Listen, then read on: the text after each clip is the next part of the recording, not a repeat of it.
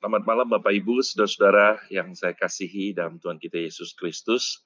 Selamat bergabung kembali dalam acara kita Oke Talk Show atau obrolan kehidupan. Saudara-saudara tentu kita bicara obrolan, kita bahas hal-hal yang sangat men, uh, dalam tentang firman Tuhan, tetapi dengan sangat aplikatif sendiri. Oleh karena itu pada malam hari ini saya tidak sendirian, tetapi pada malam hari ini saya ditemani oleh narasumber dan saya yakin Bapak Ibu, saudara-saudara mengenal beliau. Dia pernah juga menjadi narasumber kita beberapa bulan yang lalu dalam obrolan talk show. Pada malam ini saya perkenalkan narasumber kita, yaitu Bapak Pendeta Yakub Trihandoko. Selamat malam Pak Yakub. Ya, selamat malam, selamat malam. ya. ya. Selamat kembali lagi dalam obrolan kehidupan talk show malam hari ini. Wah, thank you, thank you sudah diundang lagi ini. thank you. Ya, thank you. rasanya itu bulan lima kalau tidak salah udah empat bulan yang lalu begitu. Ya. Waktu terus berjalan, Pak. Ya. Tapi tampilan tetap segar. Potong rambut terus Pak. Potong rambut terus betul. Kok tahu Pak? Iya. Baru saya mau bilang.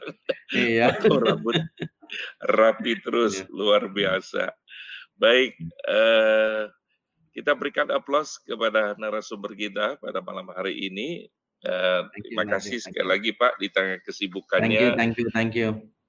Ya, Oke Pak Yakub, tetap saya harus perkenalkan dulu nih Pak Yakub, walaupun sudah dikenal dan pernah di tempat ini, tapi saya hanya uh, memperkenalkan bahwa beliau adalah gembala sidang dari Reform Exodus Community dan juga founder Sekolah Teologi Awam Reform Star ya Pak dan founder kami, co-founder API dan founder dan ketua STT Amadius. Makanya dengan pelayanan yang luar biasa ini cukup sibuk. Tadi ngobrol kalau satu hari bisa khotbah dua kali ya jadi luar biasa. Tuhan terus pakai Pak Yakub. Puji Tuhan, Pak. Puji Tuhan. Ya. Only by His grace, ya.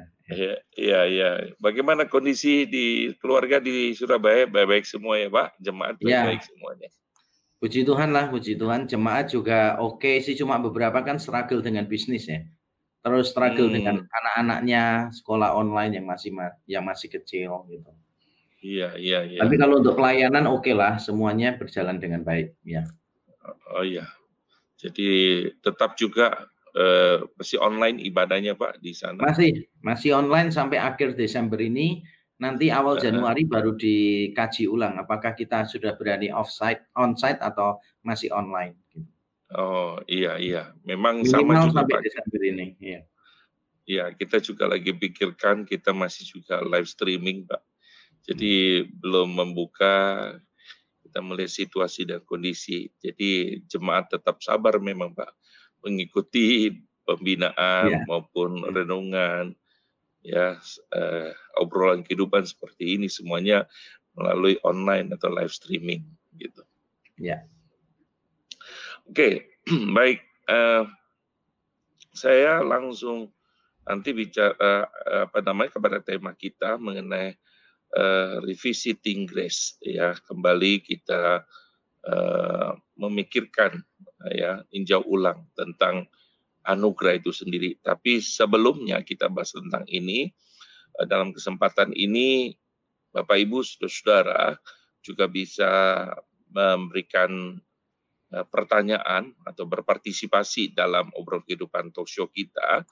Jadi dengan memberikan komentar atau pertanyaan di chatting YouTube GKBC Kelapa Gading. Sekali lagi, chatting YouTube GKBC Kelapa Gading, silahkan saja langsung uh, mengajukan pertanyaan.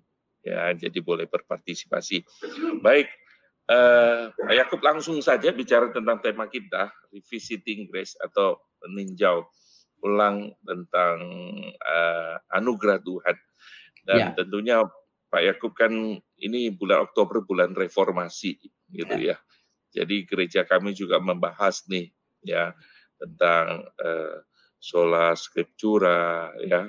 Lalu kemudian kita juga ada bahas sola gracia, uh, so, uh, solus Christus ya, ada soli Deo gloria, sola fide Tapi karena memang di bulan Oktober ini kita empat minggu jadi tidak semuanya, tetapi kemudian Sola Gracia kita khusus bahas dalam obrolan kehidupan talk show pada malam hari ini bersama dengan Pak Yakub gitu. Ya. Oke, Pak Yakub memang kita tema kita kan bicara tentang revisiting grace ya. Sengaja memang eh, satu tema, satu topik yang cukup eh, men-challenge gitu ya. Terus kenapa, kenapa anugerah ya perlu kita coba tinjau ulang ya dalam pemahamannya gitu ya. Nah, Sebenarnya Pak, kalau kita lihat ya bicara tentang reformasi kan salah satu adalah tadi saya katakan sola gracia. Nah, apakah kalau kita tahu kan ini bukan pencetus dari para tokoh reformasi, tetapi memang diformulahkan ya dari apa namanya para uh, hamba Tuhan pada anak-anak Tuhan mengenai uh, apa yang merupakan semboyan dari reformasi pada abad itu. Nah, Pak Yakub kira-kira nih di dalam uh, gereja pada waktu itu apa yang salah konsep tentang anugerah sehingga kemudian uh, kembali harus berbicara tentang sola gracia gitu. Apa sih uh, dalam pemikiran Luther itu tentang anugerah gitu dibandingkan dengan gereja-gereja pada waktu itu bukankah juga mengajarkan tentang anugerah juga seperti begitu. Monggo Pak Yakub. Ya. Oke, jadi terima kasih untuk pertanyaannya. Jadi sebenarnya kalau kita belajar tentang reformasi, secara reformasi, apa yang disebutkan dari semua sola tadi, sola scriptura hanya kitab suci saja, sola fide hanya iman saja, dan seterusnya, termasuk sola gracia hanya anugerah saja, kasih karunia saja, kita harus mengetahui aksennya itu jatuhnya di mana. Karena beberapa orang sering kali keliru. Kalau saya tanya hmm. Sola hmm. Gracia itu penekanannya ke mana? Mereka bilangnya hmm. sola ke Gracia. Hmm. Sola fide penekanannya ke fide. Nah, menurut saya ini keliru. Jadi penekanan oh. pada reformasi itu terletak pada sola. Jadi hmm. sola-solanya itu yang yang begitu ditekankan di sana gitu. Itu yang yang benar-benar ditekankan oleh para reformator pada waktu itu. Nah, termasuk pada hmm. waktu kita bicara tentang sola gracia, itu yang ditekankan sebetulnya solanya. Mengapa ditekankan solanya? Karena gereja sebelumnya itu juga sudah percaya anugerah gitu seperti tadi ya. Musa Randy menyebutkan mereka sudah percaya anugerah, cuma persoalannya itu tidak sola. Jadi hmm. tidak hanya anugerah. Nah, kalau tidak hanya hmm. anugerah, lalu apa? Nah, kalau pada waktu itu gereja mengajarkan bukan cuma anugerah dari Allah, tetapi juga usaha manusia. Usaha manusia dibagi jadi dua Usaha manusia hmm. itu yang berkaitan dengan diri sendiri dan yang berkaitan dengan gereja. Hmm. Jadi kalau mau hmm. diselamatkan itu harus melalui gereja dan harus melakukan serangkaian tindakan tertentu gitu. Jadi manusia dipahaminya melakukan sesuatu supaya manusia punya peranan di dalam keselamatan. Jadi keselamatan itu tidak anugerah saja karena manusianya dilibatkan terus melalui gereja. Jadi tanpa hmm. gereja itu tidak bisa dalam tanda kutip begitu. Jadi uh, kalau mau diselamatkan secara lengkap, secara fully, holy, utuh begitu ya mau tidak mau ada partisipasi dari gereja. Nah itu yang sebetulnya ditentang oleh Martin Luther dan dia hmm. menentangnya dengan doktrin yang tadi disebutkan macam-macam itu yang di kemudian hmm. hari orang mulai memformulasikan sebutannya sola gracia itu latar belakangnya. Hmm. Iya Pak. Jadi sebenarnya bukan bicara tentang kasihannya, videonya, skripturanya, karena mereka juga percaya Alkitab gitu ya Pak, firman Allah itu. Ya. Tapi tidak solanya ya, hanya itu penting sekali ya, di only one-nya itu penting sekali. Iya. Kecuali solaria itu semuanya penting Pak kalau solaria. Sama sosa sola itu Pak soft drink ya. itu penting. itu itu itu lain lagi Pak yang kita bicarakan ya. Oke. Okay. Uh, eh, baik Pak.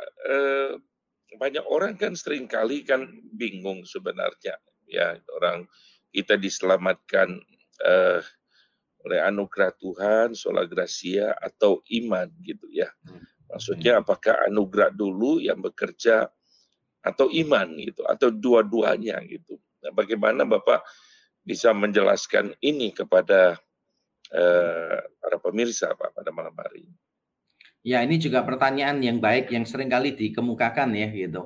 Nah, saya ingin menjawab secara umum dulu. Secara umum saya Ya. ingin berkata bahwa semua sola tadi itu tidak Hmm. boleh diambil satu berdiri sendiri itu tidak mungkin. Jadi misalnya Tidak terlepas ya. ya misalnya solus Christos misalnya gitu. Ya, Mhm. oleh hanya oleh Kristus. Tapi kalau Mhm. orangnya tidak beriman, misal tidak punya iman, menerima dengan iman, atau kalau Allah Mhm. tidak memberi anugerah kepada orang itu supaya dia bisa beriman, kan juga menjadi percuma kan gitu. Mhm mhm Walaupun kita menyadari bahwa kalau orang itu sudah dipilih oleh Tuhan, ya Tuhan pasti akan memberikan anugerah kepada orang itu sehingga orang itu bisa beriman dan penebusan Kristus tidak mungkin sia-sia. Jadi untuk yang awal saya mau tandaskan dulu bahwa sola masing-masing sola tadi itu tidak bisa dipisahkan dan tidak bisa berdiri sendiri, tidak mungkin gitu. Nah, Mhm dengan mhm. paradigma semacam itu sekarang kita mencoba untuk melihat kaitan antara sola fide hanya iman dan sola gracia hanya anugerah. Hmm. Nah, saya ingin Hmm. kita melihat perbedaannya dulu lalu kesamaannya. Nah, Hmm. perbedaannya terletak pada gini, titik berangkatnya dan fokusnya. Kalau kita bicara Hmm. tentang sola gracia, maka itu titik berangkatnya lebih ke arah Allah kepada manusia. Dalam arti begini, itu adalah tindakan Allah sih. Allah memberikan anugerahnya kepada kita. Nah, Hmm. tapi kalau dikatakan iman sola fide itu lebih ke arah kita melakukan dalam tanda kutip ya. Nanti sebentar lagi saya jelaskan melakukan itu termasuk perbuatan atau tidak gitu. Tapi Hmm, dari oke. sisi Allah memberikan dan manusia menerima itu melalui apa gitu. Jadi Allah Hmm. memberikan itu anugerah. Hmm. Manusia menerima melalui apa? Itu namanya iman. Hmm. Nah, sekarang kalau kita bicara begini, apakah berarti iman dengan anugerah itu menunjukkan satu perbuatan Allah, satu perbuatan manusia? Jawabannya adalah tidak. Baik Hmm. anugerah maupun iman itu sama-sama pekerjaan Allah. Itu kesamaan antara sola fide dan sola gracia di situ.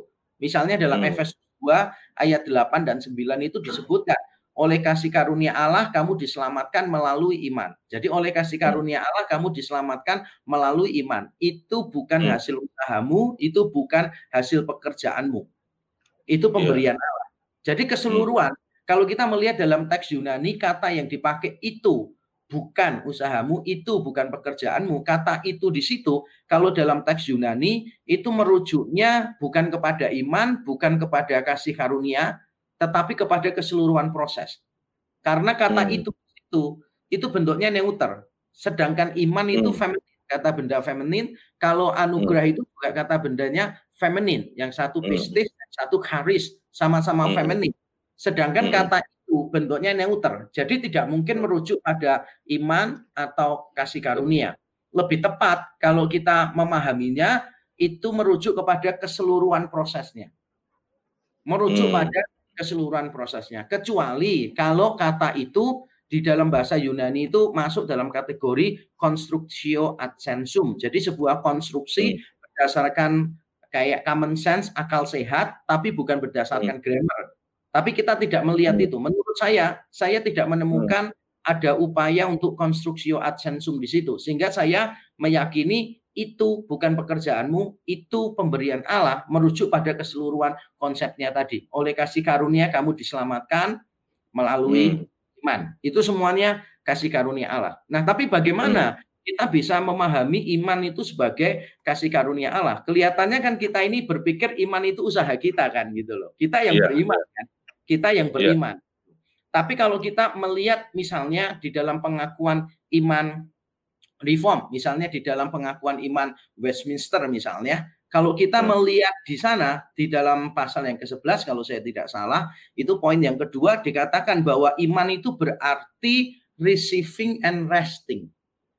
Menerima dan merasa aman di situ, beristirahat. Jadi receiving and resting di Hmm. atas karya Kristus yang sempurna. Saya suka Hmm. istilah itu. Jadi ketika kita Hmm. menerima dan ketika kita benar-benar resting, merasa aman, merasa tenang di situ Hmm. berdasarkan karya Kristus, itulah yang disebut iman. Jadi di dalam pemahaman Hmm. Alkitab maupun di dalam pemahaman teologi reform, beriman itu bukan usaha. Beriman itu bukan pekerjaan. Jadi sama seperti Hmm. gini misalnya, seperti Iya. misalnya saya misalnya nih memberikan kepada Musa Randy itu uang 5M misalnya begitu kan ya. Mhm. Jadi saya dapat dari orang 15M saya kasih 5M misalnya. Misalnya aja udah seneng kan ya kita ya. Iya, Apalagi iya. kesungguhan. Jadi misalnya nih, misalnya Iya. saya berikan 5M kepada Musa Randy. Lalu Pak Randy terima itu gitu. Terus cerita ke orang-orang, "Wah, ini 5M itu karena saya berusaha ini. Kalau Hmm. saya nggak berusaha, kalau saya nggak mau, ya nggak mungkin saya Hmm. dapat 5M. Ya ini Hmm. usaha saya, saya berperan di sini." Pasti kan orang Hmm. akan mengatakan, "Ini orang kok kurang grateful ya," gitu. Mhm Tidak mhm mungkin lah mhm. begitu. Karena iman itu bukan kita doing something, tetapi Hmm. receiving and resting. Hmm. Kita Hmm. benar-benar hanya menerima dan kita bersandar dengan tenang kepada karya kesempurnaan Kristus. Nah, saya harap Hmm. kesamaan dan perbedaan dari sola fide dan sola gratia ini bisa menjawab pertanyaan yang tadi. Thank you, thank you. Hmm. Ya, terima kasih, Pak. Ya. Eee, mungkin ini seperti yang tadi Bapak ngomong tadi ya, bahwa, eee, waktu bicara tentang, apa namanya, satu dilihat dari dimensi manusia, satu dilihat dari sisi Allah. Sehingga ketika misalnya banyak pendeta kan khotbah, "Siapa mau terima Yesus sebagai Tuhan Juru Selamat?" Gitu kan ya. Angkat tangan, seperti begitu ya. Para pendeta itu bertanya dan lain sebagainya dalam KKR, atau undang Yesus masuk dalam hatimu, terima Ya. Yesus sebagai Tuhan dan Juru Selamat, gitu. Nah, John MacArthur, eee, pernah berkata begini, "They are the product of, eee, diluted gospel." Jadi dia katakan begitu ya. Jadi, Hmm. it is not the gospel according to Jesus. Jadi ini bukan Injil menurut Yesus gitu. Eee, apakah betul Pak seperti ini? Sebenarnya ada sesuatu yang memang salah ketika bicara tantangan ini kan saya maju ke depan gitu kan. Ini kan Hmm. bicara ya saya yang merespon seperti begitu. Eee, Ya. bagaimana Bapak menjelaskannya? Ya, jadi ini pertanyaan yang berapa kali juga saya pernah ditanya oleh orang ya, apakah di Ya. dalam KKR itu kita boleh melakukan seperti itu? Karena kan saya juga berapa kali diundang KKR. Nah, mungkin Hmm. menurut saya kita perlu memperjelas dulu, perlu Hmm. memperjelas maksud dari hamba Tuhan itu apa. Karena Hmm. kadangkala apa yang diucapkan itu cuma tradisi saja, tapi secara doktrinal dia sebetulnya tidak terlalu Tidak memikirkan seperti itu ya. istilahnya itu, gitu. Jadi misalnya Hmm. begini, undanglah Yesus masuk di dalam hatimu, gitu. Eee, kalau kita kan tidak bisa menghakimi dari kalimatnya ya, karena sekali Iya. lagi siapa tahu orangnya itu pakai hanya kebiasaan saja gitu. Tanpa Hmm, memikirkan lebih lanjut gitu. Nah, kalau menurut saya, kalau kalimatnya itu undanglah Yesus di dalam hatimu gitu. Jadi seolah-olah kan kita yang menentukan itu kan. Jadi kita yang Iya menentukan, iya. kita yang memulai, Yesus yang kita undang ke dalam hati kita gitu. Mungkin kurang pas kali kalau kita memahaminya seperti itu, bahwa pertobatan itu karena kita, karena kita Hmm. duluan. Nah, itu Hmm. mungkin kurang pas gitu. Akan menjadi lebih pas kalau misalnya kita menambahkan kalimat begini dan itu yang saya lakukan sih di dalam KKR saya, saya biasanya begini, "Saudara Hmm. kalau sekarang ini Roh Kudus mengerjakan hati saudara melalui firman." Hmm. Dan saudara mau memberikan respons, silahkan mengangkat tangan. Jadi mulainya dengan kalau Roh Kudus bekerja di dalam diri saudara melalui firman gitu, silahkan saudara memberikan respons. Tapi apakah berarti semua tantangan di dalam KKR itu adalah sesuatu yang salah? Menurut saya juga tidak sih. Nah, saya ingin bacakan ya dari satu teks Hmm. di dalam Alkitab yaitu dalam Kisah Iya. Rasul 2 kalau saya tidak salah coba saya cari. Karena Iya. di situ ada pertanyaan juga ketika Petrus habis khotbah seusai hari raya Pentakosta, kan orang-orang Yahudi bertanya, "Apakah yang harus kami perbuat, saudara-saudara?" Gitu. Hmm. Kemudian jawab Petrus di ayat 38, ke jawab Petrus kepada mereka, "Bertobatlah dan hendaklah kamu masing-masing memberi dirimu dibaptis dalam nama Yesus Kristus untuk pengampunan dosamu, maka kamu akan menerima karunia Roh Kudus." Jadi dikatakan bertobatlah. Hmm. Bertobatlah. Berarti kan memang ada undangan untuk orang lain kan Hmm, memberikan mhm. respons. Tetapi kita Ya. harus ingat, undangan ini kan dicatat oleh Alkitab setelah ada ayat di atasnya bahwa orang-orang itu tersentuh hatinya. Jadi mendengar khotbah Petrus mereka itu tersentuh hatinya dan kalau di dalam istilahnya kisah para rasul di pasal lain di pasal 16 itu artinya Tuhan melembutkan hati mereka. Jadi setelah ada jamahan Roh Kudus di sana, mereka hatinya tersentuh, mereka bertanya apa yang harus dilakukan. Nah, di situlah Petrus memberikan arahan. Kamu harus bertobat, harus memberi diri dibaptis, dan seterusnya, dan seterusnya. Jadi maksud saya, poinnya sebetulnya terletak di sini kalau kita memahami bahwa Roh Kudus bekerja melalui firman, melalui Injil, dan orang itu tersentuh memang dengan pekerjaan Roh Kudus. Ya tidak salah kalau kita memberikan challenge gitu. Tidak salah kalau kita hmm. memanggil mereka untuk memberi diri dibaptis lah atau bertobat lah. Kalau memberi diri dibaptis kan nggak bisa langsung kan gitu. Itu kan mesti yeah, harus yeah. panjang misalnya gitu. Yeah. Dan banyak orang bilang tapi di kisah Rasul kan langsung dibaptis. Mereka lupa hmm. bahwa orang ini kan orang-orang Yahudi kan, yang seumur hidupnya udah udah lekat dengan kitab suci kan. Ini kan bukan orang yang kalau orang Jawa bilang tuh nol putol gitu kan ya benar-benar nol pemahamannya tentang kitab suci kan gitu kan enggak mereka sebetulnya kan sudah tahu kitab suci sudah tahu nubuat-nubuat dalam kitab suci juga nah ketika mereka percaya Injil itu perbedaan perspektif aja jadi terjadi pergeseran paradigma Makanya para rasul itu tidak segan-segan juga kalau mereka bertobat dibaptis. Kenapa? Ya karena mereka udah tahu Alkitab. Beda dengan konteksnya sekarang kan gitu. Orang nggak pernah baca Alkitab, ikut KKR, percaya langsung dibaptis gitu kan. Ya mereka kan nggak tahu ajarannya seperti apa gitu. Nah anyway, jadi kalau kita balik pada pertanyaan yang hmm. tadi, maka penentunya ada di sini. Apakah pengkhotbah KKR itu punya teologi, punya konsep ya Roh Kudus bekerja dulu dalam hati mereka melalui hmm. Injil, baru tawaran hmm. diberikan. Jadi menurut saya paling aman, paling aman. Kebiasaan saya, saya mengatakan begini, kalau saudara merasa Roh Kudus bekerja di dalam hati saudara melalui firman Tuhan, melalui Injil, dan saudara mau memberikan respon, silahkan. Jadi dimulainya ya. dengan itu. Nah kalau kita mengatakan begitu, saya yakin kok ini bukan Injil yang dipalsukan atau Injil yang tidak murni ya seperti yang dikatakan John MacArthur. Walaupun saya ya. paham sih yang dimaksud John MacArthur juga bukan itu. John MacArthur ya, itu ya. merasa gerah dengan beberapa orang yang seolah-olah pertobatan itu murni usaha manusia gitu. Murni usaha manusia. Dan yang paling parah kan sebetulnya banyak pengkhotbah KKR itu tidak bersandar pada iman tapi bersandar pada suasana kebaktian kan gitu. Jadi kalau mau altar hmm. call itu mesti lagunya yang syahdu gitu kan. Hmm. Terus orangnya disugesti terus menerus. Kalau jemaatnya nggak hmm. nangis, pendetanya yang nangis duluan gitu. Nanti kalau kurang kurang sedih suasananya gitu diajak nyanyi lagu-lagu yang sedih-sedih kayak gelas-gelas kaca lah gitu kan ya.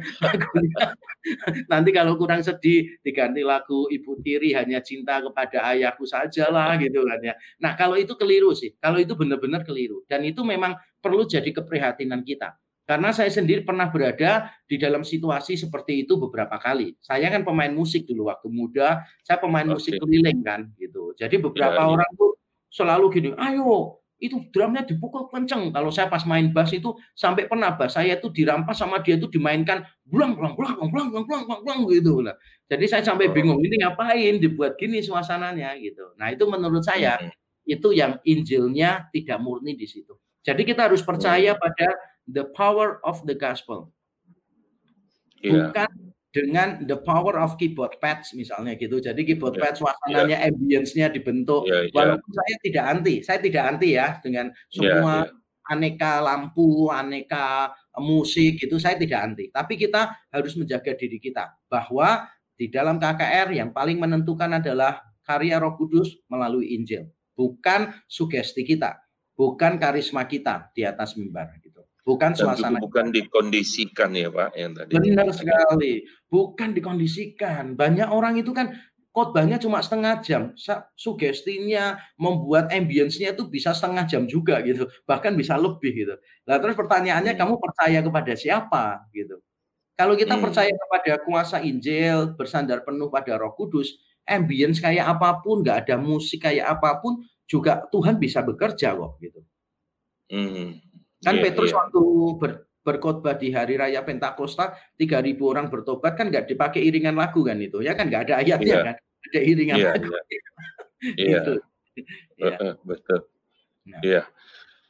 Ya Pak, jadi uh, kalau kita lihat dari sisi ini kan sisi uh, yang menyelenggarakan atau pendetanya ya, yang ya. memanggil. Memang kan waktu khotbah tentu tidak bisa semua mungkin dijelaskan dalam konsep ini. Ya. Tapi supaya maksud saya jemaat di sini memahami, kalaupun mereka angkat tangan, itu karena Tuhan bekerja dulu begitu kan ya. dalam hatinya, melembutkan gitu kan ya, sehingga dia ya. bisa maju Kadang kan ada orang berkata, ya karena saya yang eh, tergerak dengan khotbahnya itu saya maju. Saya ya. merasa pendeta itu bicara dengan saya gitu loh. Ya, khotbahnya ya. seakan-akan tuh lagi ngomong tentang hidup saya. Sehingga hmm. waktu tantangan itu datang ya saya maju gitu. Nah, di sini perlu sekali lagi mereka memahami bahwa mereka bisa lembut hatinya itu karena memang Roh Kudus bekerja terlebih dahulu ya beranugerah yang ya. tadi Bapak ngomong tadi gitu ya. ya. Ini yang Kisah Rasul 16 itu. Kisah Rasul 16 jelas waktu Paulus berkhotbah Tuhan melembutkan hati Lydia dan Lydia akhirnya hmm. bertobat ya. Hmm. Ya, ya itu keras sekali. Uh, uh, kembali Pak bicara tentang anugerah nih. Uh, ada pandangan yang uh, me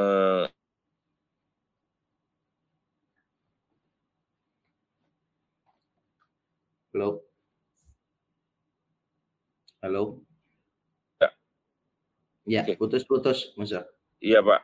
Sekarang sudah jelas ya? Iya, sekarang sudah jelas. Oke. Baik.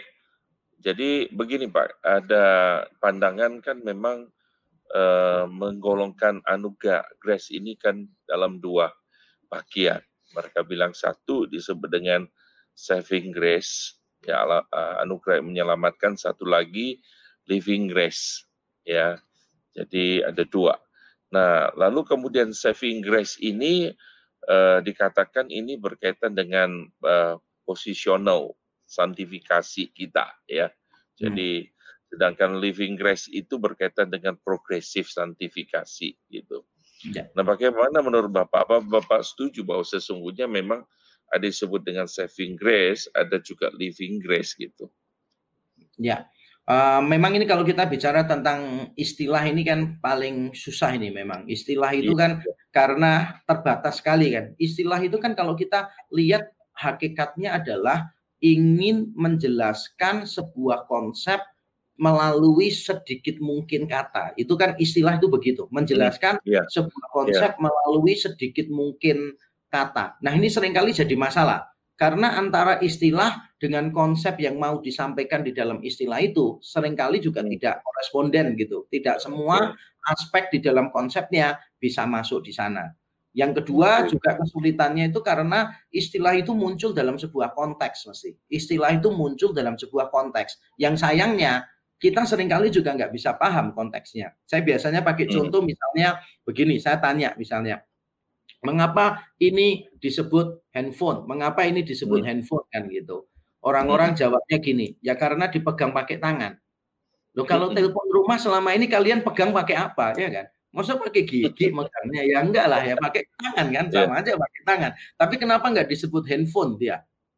Ya. Hmm. Bingung dia sekarang jawabnya. Misalnya sapu tangan. Kenapa disebut sapu tangan coba? Ya hmm. Ya karena dipegang pakai tangan, Pak, gitu. Loh, Memangnya hmm. kalau sapu rumah dipegangnya pakai apa ya? Memangnya pakai ketiak ya enggak? Ya tetap pakai tangan kan. Kemudian yeah. orang bingung, iya ya, kenapa ya disebut sapu tangan? Nah, kita sering kali nggak pernah tahu para pendahulu kita itu memakai istilah itu kayak apa.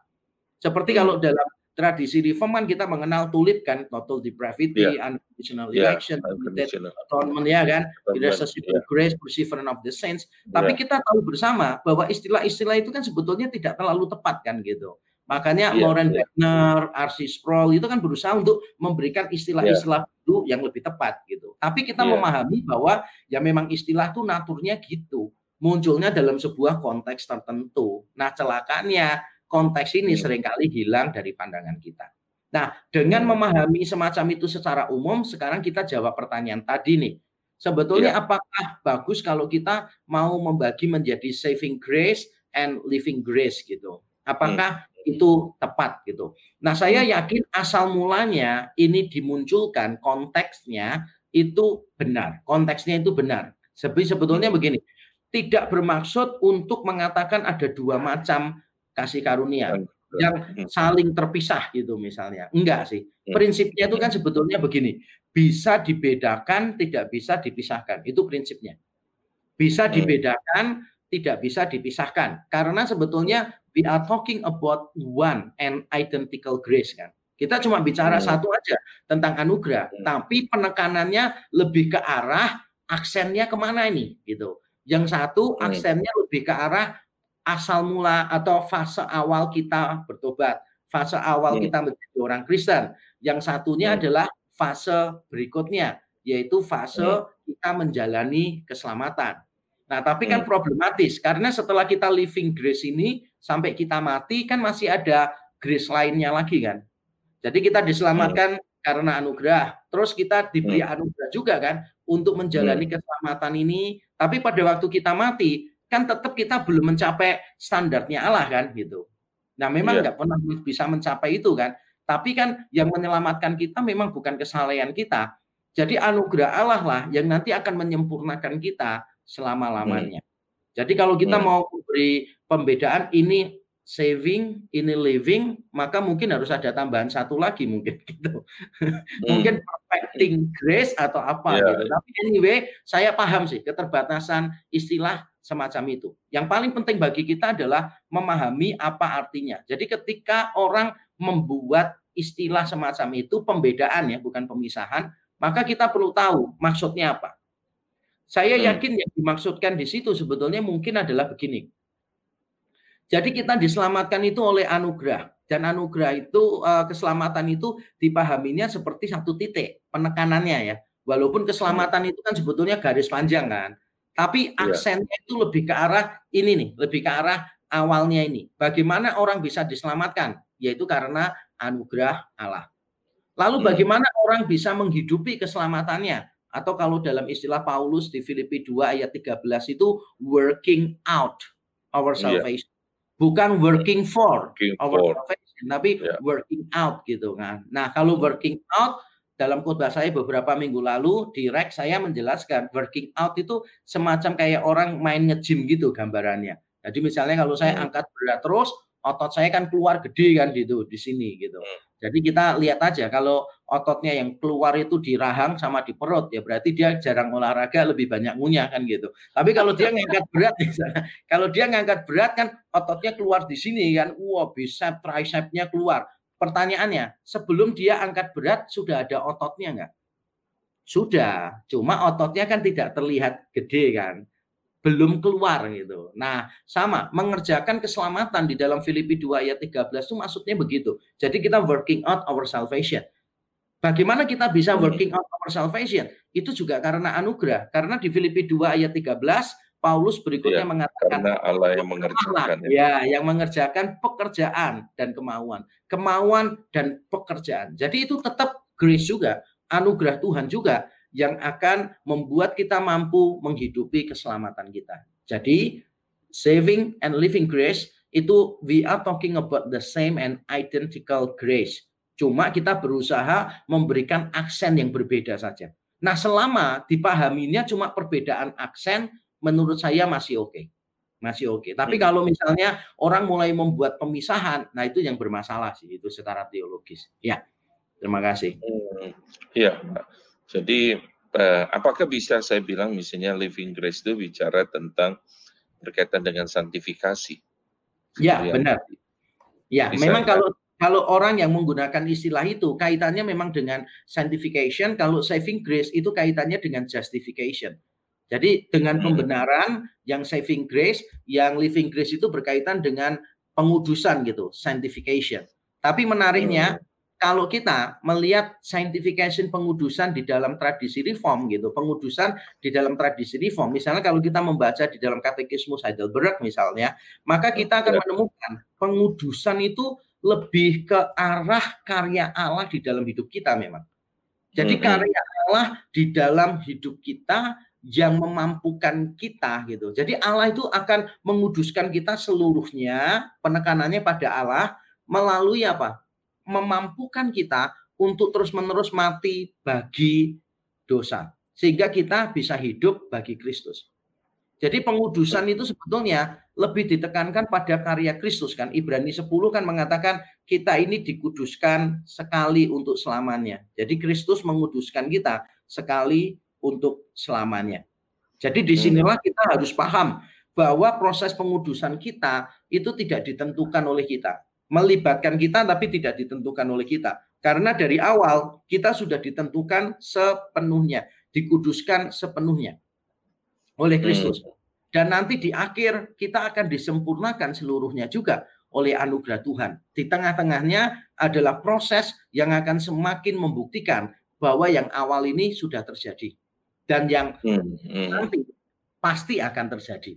Jadi ini sudah terjadi, ini pasti akan terjadi. Buktinya apa? Di tengah-tengahnya itu buktinya. Hmm, hmm, hmm, Oke. Okay. Hmm. Uh, yang sering kali juga Pak terjadi sebuah tension, maksud saya orang melihatnya ada yang menghubungkan, ya biasa kita dengar ya Pak, kalau misalnya perjanjian lama banyak hukumnya, perjanjian baru banyak anugerah seperti begitu dan yeah. seperti itu yang yang terjadi gitu.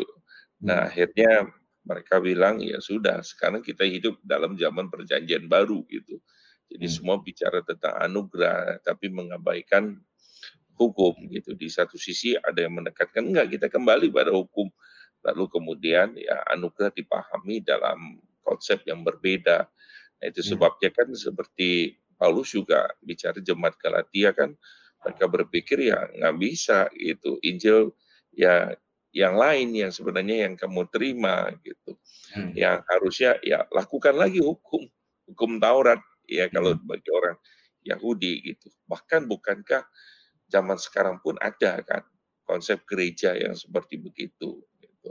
Ya. Nah, bisa Bapak menjelaskan tentang ini mengenai konsep itu yang keliru dari mereka satu sangat menekankan tentang hukumnya satu kalau anugerahnya ya semua serba anugerah seperti itu yang terjadi gitu tanpa lagi melihat ya. ada hukum Kristus ada Eh, perintah Tuhan yang jelas. Nggak bisa kan seperti Paulus bilang kamu karena seperti itu ya bisa seenak. Hmm. Hmm. Oke. Okay. Iya, halo, putus-putus Musa. Halo. Halo, iya Pak. Ya, putus-putus tadi. Ya. Oke. Okay. Ya, oke. Okay. Ya, jadi begini ya. Uh, menurut saya ini ada beberapa kesalahan umum sih yang kita perlu perbaiki dulu gitu. Hmm. Yaitu ketika orang mengatakan bahwa Allah perjanjian lama itu beda dengan Allah perjanjian baru. Wah, itu paling parah sih. Itu pernah ada juga yeah. ajaran sesat yeah. semacam itu kan di dalam abad-abad yeah. permulaan kita kenal dengan nama yeah. marsionisme gitu. Yeah. Uh, itu pengaruh dari gnostisisme pada waktu itu. Tapi saya nggak akan bahas lah gnostisisme seperti apa. Ini masa pandemi juga tanggal tua ya, hidup kita udah sulit gitu. Intinya adalah yang paling parah orang menganggap Allah PL dan Allah PB itu beda, pribadi yang beda. Yeah. Nah, yeah. Di bawah itu ada yang menganggap oh enggak Allah PL dan Allah PB itu sama, tetapi hmm. berubah cara kerjanya. Kalau Allah PL itu wah sedikit-sedikit dihukum, kasih kasih perintah-perintah. Nanti kalau nggak dilakukan dihukum gitu. Nanti kasih larangan, kalau dilanggar iya. dihukum. Ya. Tapi kalau di dalam ya. perjanjian baru Allah itu lebih dewasa, mungkin belajar dari pengalaman ya, tambah tua gitu kan. Kemudian tambah sabar ngadepin orang gitu. Ini konsep yang yeah. konyol yang salah juga gitu. Yeah. Nah, kalau kita yeah. mau jujur baca di dalam perjanjian lama dan perjanjian baru, kita akan menemukan bahwa perjanjian lama itu penuh dengan anugerah sih. Siapa bilang di dalam perjanjian lama itu salvation by works? Enggak, sama sekali tidak. Sebab kalau kita membaca misalnya 10 perintah Allah di keluaran 20, sebelum diberikan 10 perintah Allah, sebelum perintah pertama, Tuhan sudah bilang, akulah Tuhan Allahmu yang membawa engkau keluar dari tanah Mesir. Sehingga jelas semua perintah yang diberikan itu ketika bangsa Israel menaatinya seharusnya didorong oleh ucapan syukur bahwa Allah telah menyelamatkan mereka. Jadi bukan karena mereka telah melakukan sesuatu bagi Allah. Dan ini konsisten sebetulnya di dalam seluruh perjanjian lama. Allah memulihkan bangsa Israel itu bukan ketika mereka bertobat apa segala macam bukan ya memang karena Allah setia kepada janjinya karena Allah mengasihi mereka Saya biasanya memberi hmm. contoh kejadian tiga misalnya. Ketika Adam dan Hawa jatuh ke dalam dosa, maka kita bisa hmm. melihat anugerah Allah yang jelas dalam kisah itu. Mereka lari sembunyi takut dengan Allah. Yang mencari hmm. siapa? Allah yang mencari mereka sebetulnya. Bahkan di tengah Allah memberikan hukuman-hukuman pun, Allah itu masih memberikan hal-hal yang baik di sana. Misalnya ketika Allah menghukum ular, Allah malah memberi janji bahwa keturunan perempuan akan meremukkan kepala ular. Loh ini kan di tengah manusia jatuh dalam dosa sih. Allah justru ya. memberikan janjinya. Nah kepada ya. Hawa misalnya kepada perempuan, Allah masih tetap kok memberkati mereka bisa beranak cucu dan sebagainya bisa. Bahkan yang menarik adalah Hawa ketika di kejadian pasal 3 itu diberi nama oleh Adam tuh Hawa, ibu dari segala yang hidup. Padahal kita hmm. tahu bersama kalau mereka makan buah itu mereka akan mati kan gitu. Tapi kenyataannya kan malah justru disebut sebagai ibu dari semua yang hidup. Nah, ketika manusia berusaha sendiri menutupi akibat dosanya dengan membuat daun arah gitu, pakaian dari daun arah. Ini banyak orang Kristen juga tanya ke saya, "Mengapa pakai daun arah sih menutupinya?" Ya saya jawab, yang waktu itu belum ada daun pintu. Kalau ada daun pintu mereka sembunyinya di balik daun pintu gitu kan ya. Itu ya semuanya daun arah ya karena apa yang ada di situ yang mereka ambil aja begitu kan ya. Nah kalau mereka ngambil daun pisang kan gitu ditutupi nanti dipikir Tuhan lontong atau lemper ya kan. Ya memang wajar lah kan mereka mungkin pada waktu berdosa ada pohon ara ya diambil aja daunnya gitu kan ya. Nah oke okay, kita nggak akan bahas itu itu nggak seberapa penting. Nah tapi perhatikan pada waktu mereka membuat dari pakaian dari daun ara Tuhan itu yang menyediakan pakaian untuk mereka sebetulnya. Nah ini kan menunjukkan anugerah Tuhan juga dan jangan lupa juga ketika para rasul di perjanjian baru mengajarkan tentang keselamatan oleh anugerah, mereka dasarnya apa? Dasarnya kan perjanjian lama sebetulnya. Ini dulu yang paradigma kita yang harus dibetulkan dulu. Mereka itu dasarnya sebetulnya adalah perjanjian lama. Contoh yang paling jelas Paulus. Ketika Paulus mengajarkan pembenaran oleh iman gitu, ke pembenaran oleh iman, justification by faith di Roma pasal yang keempat misalnya, dasarnya Paulus apa? Loh perjanjian lama loh, dasarnya Paulus itu bahkan dia bilang begini, Abraham itu dibenarkan karena iman. Itu terjadi di mana? Kejadian 15. Abraham disunat kapan? Kejadian 17. Hmm. Loh berarti pembenarannya Abraham tidak ditentukan oleh sunatnya dia. Dan hukum Taurat datang di surat Galatia dia jelaskan itu kan ratusan tahun sesudah sesudah Abraham. Tapi kan hmm. Abraham sudah dibenarkan di hadapan Allah. Jadi nggak ada kaitannya dengan melakukan hukum Taurat. Abraham dibenarkan karena apa? Kejadian 15 ayat 6 mengatakan, lalu percayalah Abraham kepada Allah dan Allah memperhitungkan hal itu sebagai kebenaran. gitu. Berdasarkan iman sebetulnya. Misalnya nih, konsep tentang pemilihan misalnya, itu juga berdasarkan perjanjian lama. Paulus sekali lagi di Roma pasal 9 ayat 6. Dia berkata, sebetulnya tidak semua keturunan Abraham, keturunan Abraham. Tidak semua Israel adalah Israel. Lalu dia memberikan contoh, Abraham punya anak, tapi yang disebut perjanjian Israel itu Isa. Walaupun Abraham punya Ismail dan punya beberapa anak lain dari istrinya yang bernama Ketura, kejadian 25. Tapi tetap yang disebut umat pilihan adalah Isa.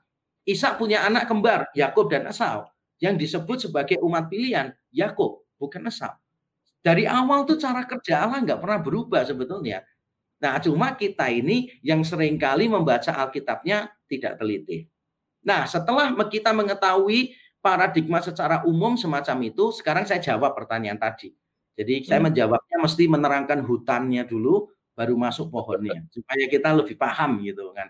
Nah, kalau saya melihat kaitan antara hukum Taurat dengan anugerah misalnya, maka kita hmm. tahu bahwa hukum Taurat itu justru diberikan supaya manusia itu mengenal anugerah dengan lebih baik. Hukum Taurat itu diberikan supaya manusia tahu betapa berdosanya mereka.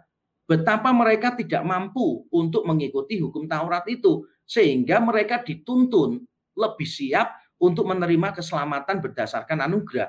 Karena kan tuntutannya jelas. Siapa yang mau dibenarkan, dia harus menuruti seluruh yang tertulis di dalam kitab Taurat. Dan itu sudah cukup menyadarkan banyak orang seharusnya bahwa mereka tidak mungkin bisa. Karena Yakobus pasal 2 mengatakan, kita mengikuti semuanya bersalah pada satu, ya kita bersalah terhadap ya. seluruhnya. Jadi saya tidak ingin orang-orang Kristen itu melihat hukum Taurat dengan anugerah itu sebagai dua hal yang bertentangan. Allah di perjanjian lama pakai hukum Taurat, sekarang dia pakai anugerah. Menurut saya ini keliru. Anugerah hmm. itu lebih mudah dipahami karena Allah memberikan hukum Taurat. Dan manusia melihat kegagalan mereka di dalam mengikuti hukum Taurat. Nah, pada saat mereka menyadari mereka gagal tidak mampu memenuhi tuntutan Allah di dalam hukum Taurat, mereka menjadi lebih siap untuk menerima anugerah Allah di dalam Kristus Yesus. Hmm. Tapi apakah hukum Taurat masih berlaku untuk kita? Nah, ini topik yang panjang sekali sebetulnya. Tidak cukup hmm. kita hanya bahas 10 menit. Menurut saya ini seharian saja yeah. akan sangat menarik untuk dibicarakan hmm. karena para teolog juga banyak beda pendapat. Tapi kalau saya boleh ringkaskan, rangkumkan secara sederhana, saya akan bilang begini. Hukum Taurat itu masih berlaku sampai sekarang secara esensi. Secara esensi dia masih berlaku, tetapi ekspresinya itu berubah-ubah. Ekspresinya berubah-ubah sesuai dengan zaman. Contoh misalnya, kalau saya itu bilangnya gini nih, contoh misalnya di dalam perjanjian lama kan ini sering saya pakai nih contohnya. Misalnya gini, hmm. kalau kamu sedang panen, jangan sampai yang jatuh-jatuh itu kamu ambil. Hmm. Itu bagian untuk orang miskin, orang asing, janda, yatim piatu. Jangan diambil. Hmm. Nah sekarang kerjaan kita kan bukan petani, bukan peladang kita. Jadi apakah ya. perintah itu tidak berlaku untuk kita?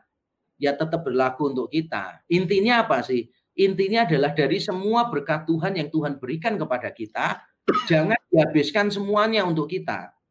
Jadi hmm. sisakan hmm. untuk orang-orang lain yang membutuhkan. Kan intinya begitu, esensinya hmm. begitu. Jadi kita tidak boleh mengatakan, oh itu sudah tidak relevan lagi kepada kita. Salah. Karena itu masih relevan. Kita memperhatikan orang-orang miskin, itu masih relevan. Jangan pula ditafsirkannya, diaplikasikannya secara hurufiah. Jadi kalau orang hmm. kaya uangnya jatuh nggak boleh diambil, itu untuk orang miskin gitu kan ya. Wah repot kalau gitu hmm. ya kan. Nanti musuh dompetnya jatuh nggak berani ngambil ya. Karena yang ngambil bisa disuruh ikut bantu bayar kartu kreditnya enggak. Sekarang nah, pandemik pakai itu, Pak. Pakai elektrik iya, semua, Pak. Jadi nggak ada yang jatuh, Pak. Nggak ada yang jatuh, benar, Pak. Lebih aman ya, gitu. Nah, makanya itu kita kan harus mikirnya gini loh. Itu secara esensi berlaku sih sampai sekarang. Jadi seluruh hmm. hukum Taurat itu sebetulnya berlaku sampai sekarang. Yesus bilang di Matius 5 kok tidak ada satupun yang akan lalu sebelum langit dan bumi ini lalu. Bahkan langit dan bumi ini lalu, tetap firman itu akan ada untuk selamanya. Karena esensinya, esensinya itu tetap berlaku sampai sekarang. Esensi hukum Taurat itu apa sih? Kasih ya. Yesus ditanya, apa sih sebetulnya esensi perintah dari yang terbesar dalam hukum Taurat? Matius 22 Perintah yang terbesar dalam hukum Taurat apa? Yesus bilang kasih Tuhan Alamu, kasih sesamamu manusia. Itu hmm. inti. Yesus menambahkan seluruh kitab Taurat dan kitab para nabi itu bergantung di sini. Love your God, love your neighbors. Hmm. Nah, sekarang pertanyaan saya, apakah orang Kristen harus mengasihi Allah? Harus. Harus mengasihi sesama? Harus. Nah, dengan melakukan itu, berarti kita itu masih melakukan esensi hukum Taurat. Jadi jangan bilang hukum Taurat itu tidak berlaku atas kita. Yang tidak berlaku tuh maksudnya gini loh. Paulus itu ketika menggunakan kata hukum Taurat, nomos ya dalam perjanjian baru, artinya itu macam-macam. Yang dimaksud Paulus yang diserang oleh Paulus, ini kita harus paham. Sebab kalau nggak paham kita bingung.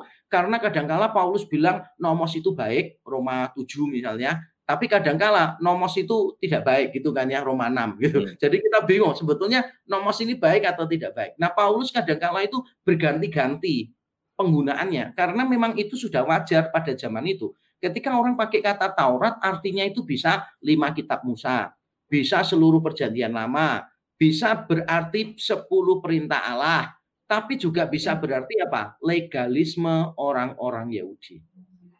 Hmm. Jadi ketika Paulus memberikan pandangannya tentang Taurat seolah-olah itu kok beda-beda, kita harus mengingat konteksnya penggunaannya Taurat itu beda-beda memang dalam tulisan Paulus. Jadi Paulus sangat menentang Taurat dalam arti legalisme Yahudi. Melakukan Taurat supaya diselamatkan itu Paulus tentang. Tapi Paulus bersikap positif terhadap Taurat. Dia bilang Taurat itu suci, murni, baik gitu, menuntun kita kepada keselamatan gitu. Nah, itu jawabannya. Jadi kalau ditanya apakah kita masih hidup di dalam hukum Taurat, ya kita tanya balik kepada orang itu, yang kamu maksud apa? Sebab jangan sampai yang dimaksud Paulus dengan yang dimaksud orang itu berbeda. Kalau kita membaca hmm. Roma 6, ya Paulus bilang kita tidak hidup di bawah hukum Taurat, tapi di bawah kasih karunia. Tapi maksudnya apa hukum Taurat di sana?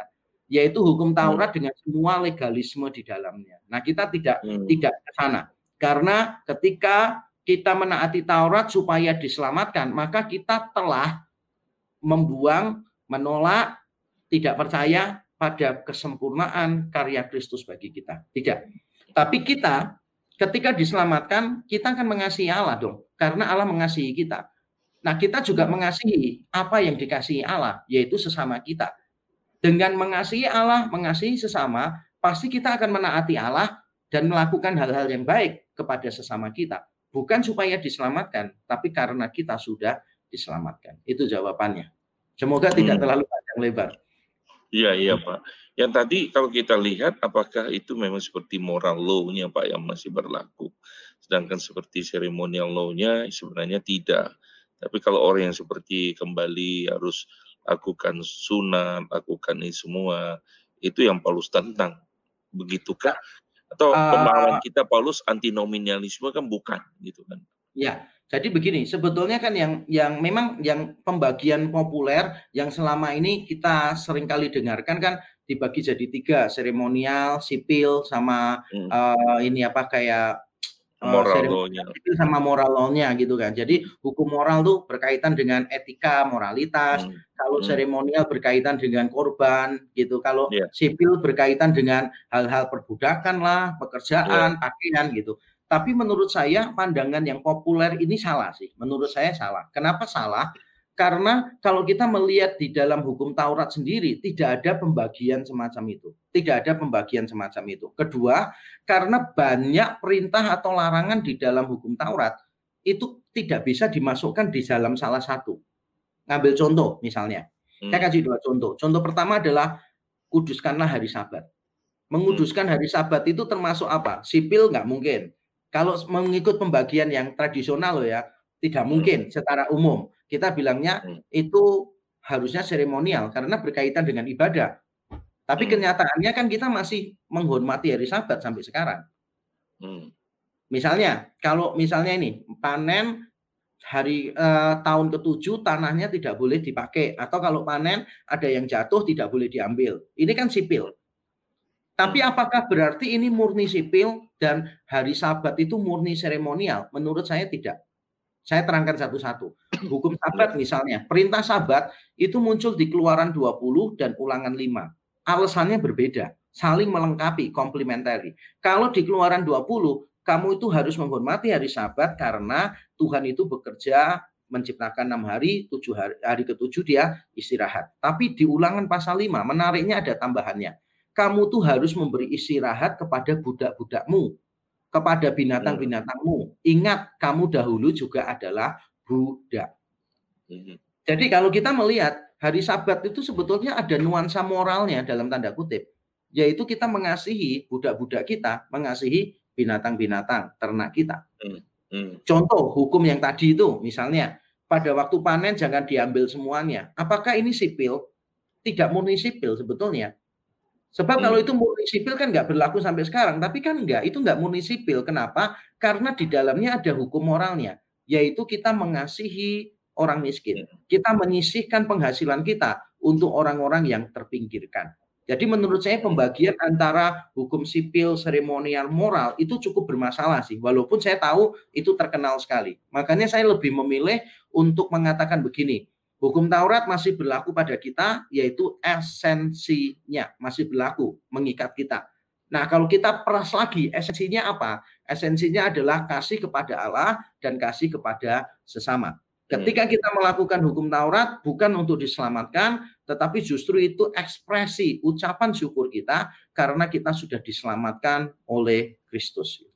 Jadi hmm. jangan sampai kita salah paham nih. Makanya kan saya kalau melihat nih saya kasih contoh misalnya diskusi tentang persepuluhan. Aduh, saya ini sering kali ditanya orang tentang persepuluhan gitu kan. Persepuluhan itu wajib atau tidak gitu. Itu kan kalau persembahan korban itu sudah tidak wajib digenapi Kristus gitu. Nah, kenapa? Kalau korban uang persepuluhan kok masih mengikat gitu kan? Bahkan ada hamba yeah. Tuhan nih, ada hamba Tuhan yeah. itu ngomong kepada saya begini, saya ini nggak percaya persepuluhan. Terus dia bilang gini, karena Tuhan nyuruh saya, nyuruh kita itu memberikan seluruh hidup kita. Roma 12 ayat 1. Iya kan? Jadi nggak perlu iya. memberikan persepuluhan. Tuhan tuh minta seluruh hidup kita. Terus saya tanya sama dia, kamu serius dah ngomong gini? Dia bilang, iyalah Tuhan kan menyuruh kita memberikan semuanya, bukan persepuluhan kita. Terus saya tanya, sekarang saya tanya ya, kalau kamu benar-benar memberikan seluruh hidupmu, itu kan bisa diuji. Ujian hmm. paling gampang adalah begini, dari semua penghasilanmu, uangmu itu loh, dari semua hmm. penghasilanmu, uangmu itu 10% kamu kasih nggak kepada Tuhan. Nggak usah bingung namanya, mau persepuluhan, hmm. mau apa, nggak peduli. Pokoknya saya tanya, apakah dari semua penghasilanmu kamu tuh memberi 10% atau lebih untuk Tuhan? Terus dia hmm. bilang, enggak sih. Enggak sih. Terus saya bilang, berarti ya omong kosong lah kalau kamu memberi seluruh hidupmu untuk Tuhan. Ya kan? Omong kosong dong. Ya, kamu memberikan sepersepuluh dari penghasilanmu, bukan dari aset loh, bukan dari semua bukan dari semua harta loh ya, dari penghasilan loh. 10 persen aja hmm. kamu nggak berani kasih kok. Dari mana kamu ya. bisa mungkin kamu memberi semuanya untuk Tuhan? Jadi lalu saya kembalikan begini, tapi kamu dengan saya ada kesamaannya. Saya juga tidak setuju dengan persepuluhan. Wah, dia langsung agak ceria gitu. Oh, kamu nggak nggak setuju dengan persepuluhan? Saya bilang iya, karena saya memberi lebih dari sepersepuluh. Karena orang perjanjian lama saja yang nggak melihat Allah jadi manusia, yang tidak menerima keselamatan dalam tanda kutip secara lebih jelas melalui kedatangan Mesias, kematian Yesus di atas kayu salib, mereka aja ucapan syukurnya itu 10%. Masa kita yang berada di dalam perjanjian yang baru, ucapan syukur kita lebih rendah, menurut saya ya itu nggak masuk akal lah gitu kan. Nah, terus saya jelaskan lagi. Jadi jangan berdebat tentang hukum persepuluhan. Karena kalau kita tahu persepuluhan di dalam Alkitab muncul pertama kali bukan pada zaman Musa munculnya bukan dalam bentuk perintah, hmm. tapi justru munculnya dari sebuah pengalaman hidup. Ketika Yakub berjumpa dengan Tuhan dan Yakub berkata, kalau Tuhan memberkati aku, nanti sepersepuluh dari semua berkat Tuhan akan kuberikan kepada Tuhan. Jadi sebetulnya persepuluhan esensinya apa? Ucapan syukur kita.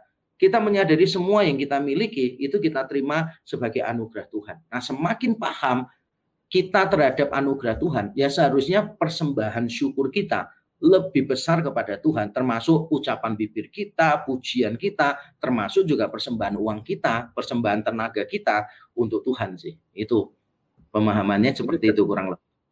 Ini juga karena memang konsep anugerah yang salah kali ya Pak, yang dalam ya, pemahaman. Benar. Hmm. Sehingga perlu malam ini kita bicara tentang topik uh, revisiting grace itu perlu memikirkan ulang. Artinya bahwa ini tidak hanya bicara sesuatu yang mengawang-awang, tetapi down to earth. Benar. Artinya termasuk dalam persembahan, kaitannya juga dalam hidup kita, dalam perbuatan kita.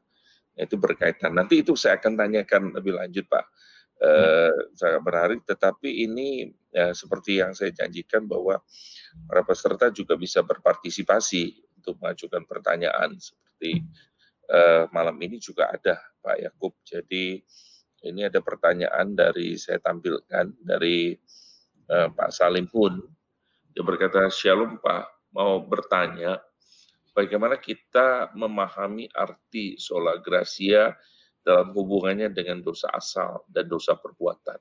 Jadi ini ya. ada di belakang ini. Ya, oke, okay, putus-putus lagi Musa. Oke. Okay. Halo. Halo. Ya, ya, halo. Ya, Musa, putus-putus ya. tadi. Oke, okay, ya, tapi maaf, tulisannya udah jelas. Jelas ya. ya, Pak. Lalu kemudian ya. adalah ditambahkannya begini eh, saya pernah membaca pemahaman iman dari Martin Luther, yaitu ditanamkan. Boleh dijelaskan maksudnya. Mungkin yang pertama dulu Pak, mungkin yang ini hmm. ya. Oke. Okay. Eh, bagaimana kita memahami arti sola gracia dan hubungan dengan dosa asal dan dosa perbuatan? Apa ada hubungannya? Silakan Pak. Terima kasih. Ya. Jadi begini, uh, saya akan jawab yang pertama ya, gitu. Uh, ya. Eh, jadi kaitannya dengan original sin dan actual sin apa? Oh, kaitannya jelas sekali sebetulnya. Kalau tanpa anugerah Tuhan, manusia itu tidak mungkin bisa melampaui naturnya yang berdosa. Tidak mungkin. Dosa asal itu hmm. membuat kita statusnya berdosa, natur kita juga berdosa. Di dalam natur yang berdosa ini, tidak mungkin kita bisa memilih Allah. Karena Efesus 4 ayat 17 sampai 19 mengatakan perasaan kita tumpul, pikiran kita itu sia-sia misalnya. Kemudian di dalam Roma 3 ayat 10 sampai yang ke-18 itu semua dalam diri kita tidak ada yang baik. Kaki kita, mulut kita, tangan kita, tenggorokan kita, semuanya itu sudah rusak oleh dosa. Bahkan yang paling jelas di dalam 2 Korintus 4 ayat 4 itu dikatakan bahwa orang-orang yang tidak percaya kepada Injil terus-menerus tidak percaya adalah mereka yang dibutakan oleh ilah zaman ini. Jadi dibutakan oleh iblis sehingga mereka tidak bisa melihat gini, cahaya Injil yaitu kemuliaan Allah di dalam Kristus. Jadi walaupun Injil itu bercahaya tentang kemuliaan Allah, tetap orang itu tidak bisa melihat. Kenapa? Karena matanya dibutakan oleh iblis. Jadi manusia itu punya banyak problem. Naturnya itu berdosa. Efesus 2 ayat 1 sampai 3 mengatakan kita ini mati dalam dosa. Ayat 1. Kita ini mengikuti roh-roh penguasa kerajaan angkasa. Jadi ketidaktaatan kita itu karena mengikuti mereka. Lalu ayat yang ketiga, pada dasarnya kita ini memang orang-orang yang patut dimurkai. Itu bukan pada dasarnya, tapi we were by nature. Kita secara natur adalah anak-anak kemurkaan. Jadi kalau anugerah Allah tidak berintervensi di dalam diri kita, no way, no way sekali lagi. Kita bisa hmm. melampaui original sin, impact original sin di dalam hidup kita. Kita tidak mungkin menginginkan Allah, tidak mungkin. Hanya karena Roh Kudus yang bekerja di dalam kita, maka hati kita itu bisa dilembutkan. Kita dilahir barukan. Hmm. Istilah dilahir barukan oleh Roh Kudus itu sendiri kan sudah menyiratkan bahwa ada yang lama kan, yang mati, yang tidak baik, yang negatif, yang hmm. lama. Itu kita dilahir hmm. barukan oleh Roh Kudus sehingga kita bisa percaya kepada Kristus. Jadi apa hmm. kaitan sola gracia dengan dosa asal? Yaitu memampukan kita untuk mengambil keputusan, merasa, berpikir yang melampaui belenggu-belenggu natur kita yang berdosa. Nah, kaitannya dengan actual sins apa? Dosa-dosa yang kita lakukan. Kaitannya adalah Roh Kudus yang sama itu menguduskan kita terus-menerus, mengerjakan kemauan dan pekerjaan. Filipi 2 ayat 13. Sehingga kita akan selalu rindu untuk menaati Allah. Di tengah-tengah kita tidak bisa lagi untuk mengikuti Tuhan. Karena mungkin ada penderitaan yang berat, luar biasa. Dan kita mungkin meragukan. Kalau aku anak Allah, kenapa kok aku menderita? Kita ada waktunya, at times kita itu meragukan Allah, kita lupa status hmm. kita sebagai anak-anak Allah, tapi yang dilakukan Roh Kudus apa? Di Roma pasal 8, dia mengingatkan kita terus bahwa kita adalah anak-anak Allah. Bahkan ketika kita benar-benar nggak tahu apa yang harus didoakan, karena penderitaan kita begitu besar, kita bingung mencari jalan keluar, maka Roma 8 ayat 26 27 mengatakan Roh Kudus berdoa untuk kita, menolong kita hmm. di dalam doa kita. Hmm. Jadi Allah memberikan anugerahnya melalui Roh Kudus terutama untuk menolong kita masuk di dalam pengudusan hidup kita, mengalahkan dosa-dosa aktual kita. Nah, tentu saja Roh Kudus bekerja dengan sarana yang kalau dalam teologi reform itu disebut sebagai sarana-sarana anugerah. Misalnya ibadah, firman Tuhan dan sebagainya. Jadi hmm. memang memakai sarana-sarana anugerah, tapi di balik itu ada Allah, ada Roh Kudus yang bekerja di dalam diri kita. Nah, itu menurut saya anugerah di dalam kaitan dengan dosa asal dan dosa aktual. Itu. Nah, untuk pertanyaan yang kedua saya ucapkan terima kasih, tapi saya minta maaf, saya tidak bisa menjawab pertanyaan yang kedua karena saya tidak belum belum paham apa yang dimaksudkan dengan ditanamkan di sana. Saya masih belum paham. Karena istilah ini saya kan membacanya bukan dalam bahasa Indonesia ya. Jadi saya membacanya. Biasanya tulisan-tulisannya itu pengakuan imannya Luther dan sebagainya di dalam bahasa Inggris. Jadi mungkin saya menduga ada perbedaan istilah ini. Jadi kalau tidak keberatan mungkin yang bertanya bisa memberikan kutipannya dalam bahasa Inggris gitu yang agak jelas nanti baru saya bisa memberikan respons ya gitu. Saya khawatir nanti saya jawab ternyata beda gitu pemahamannya. Ya. Oke. Okay.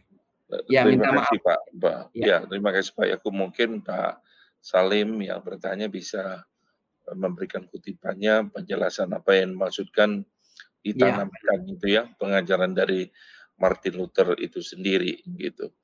Uh, ini sedikit Pak bicara tentang actual sin gitu ya bicara. Apakah ini berbicara tentang bahwa uh, kalau tadi bicara original sin berarti Allah bekerja itu memang 100%, lalu kemudian actual sin itu berarti Allah berikan juga kita ketaatan, ketundukan gitu. Misalnya kita uh, istilahnya dipimpin roh kudus kita mau taat atau tidak seperti itu kalau tidak ya tentu di situ ya ada resiko konsekuensinya apakah hmm. begitu pemahamannya Pak Yakub gitu ya sebetulnya kalau kita melihat karya Roh Kudus memberikan anugerah Allah dalam kaitan dengan pertobatan kita di dalam teologi reform itu kan disebut dengan istilah irresistible gitu kan ya. Jadi tidak dapat ditolak. Anugerah yang memang tidak dapat ditolak. Kalau Allah sudah memilih orang itu, ya Allah akan menyelamatkan orang itu. Allah akan mengubah hatinya, berintervensi di dalam hatinya, melembutkan hatinya, melahirbarukan orang itu, sehingga orang itu pasti akan bertobat, pasti akan bertobat. Tapi jangan salah juga, beberapa orang berkata kepada saya begini, loh kalau gitu kan kita ini dipaksa oleh Allah untuk bertobat. Hmm. Nah, apalagi kita dipaksa dong, mau Allah berintervensi dalam hati kita. Saya bilang tidak, karena konsepnya begini loh Bayangkan misalnya kita ini adalah gelandangan yang sudah berhari-hari tidak makan, lemes mau mati gitu kan ya. Kita mengais-ngais makanan di tempat sampah nggak bisa, kita kondisinya sakit gitu. Kita mau bertahan hidup itu dalam kondisi semacam itu.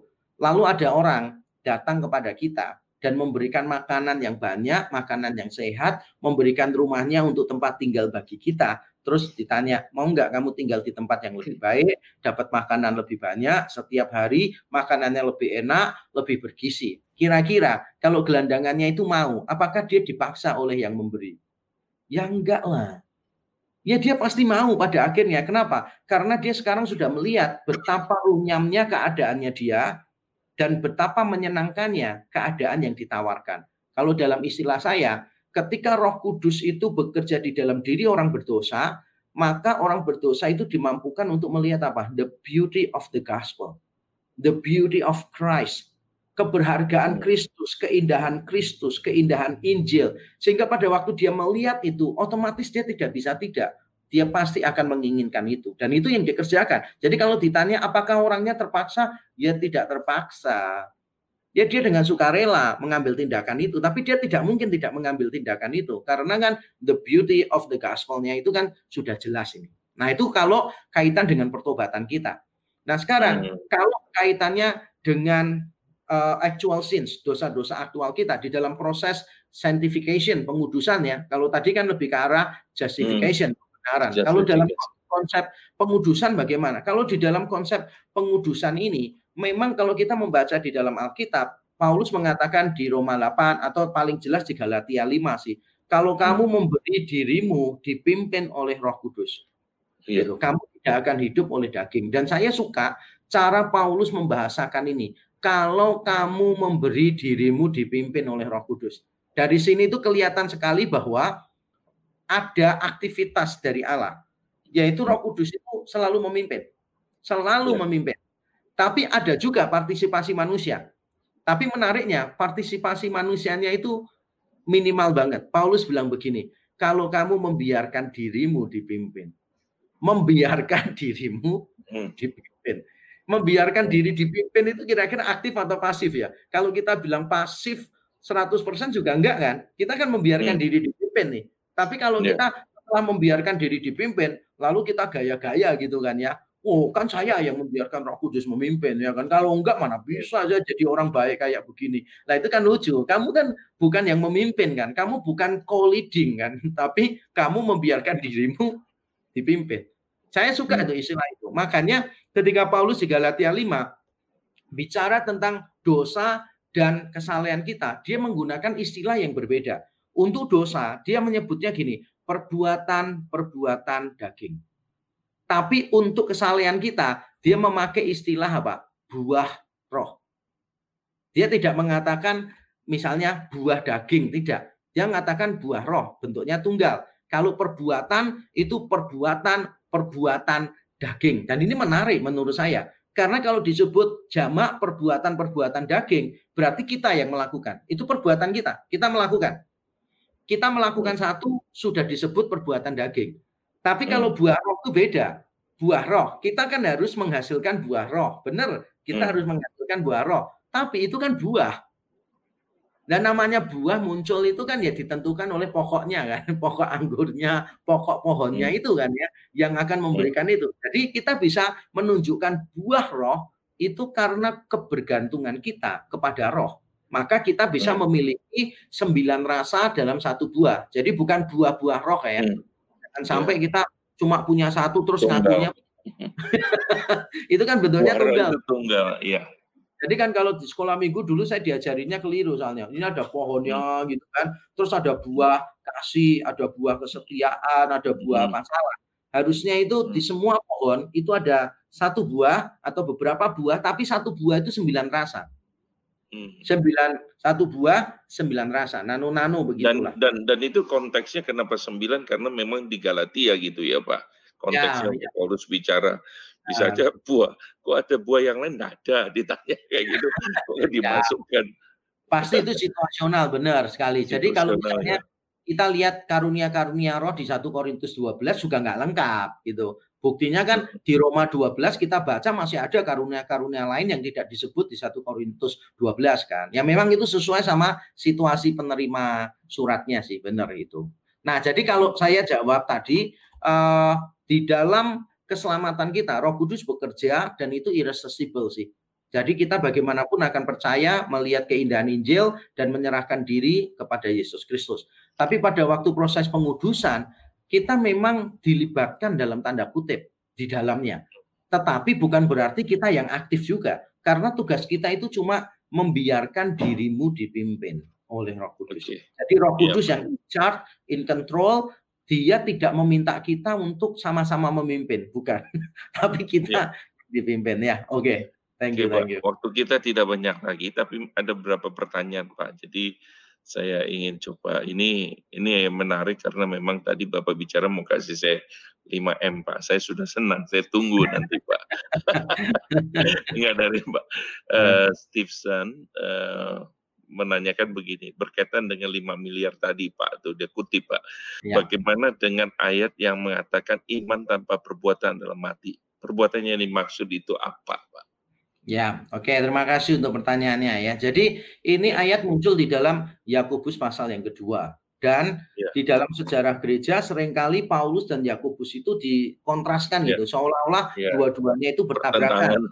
Ya, kalau Paulus mengajarkan ya diselamatkan oleh iman saja tanpa perbuatan. Lalu kalau Yakobus itu iman tanpa perbuatan Buatan. adalah mati gitu kan ya. Jadi seolah-olah ini bertabrakan. Tapi kita perlu hmm. mengingat konteksnya berbeda. Konteks hmm. pembicaraannya berbeda. Misalnya ya saya hmm. jelaskan.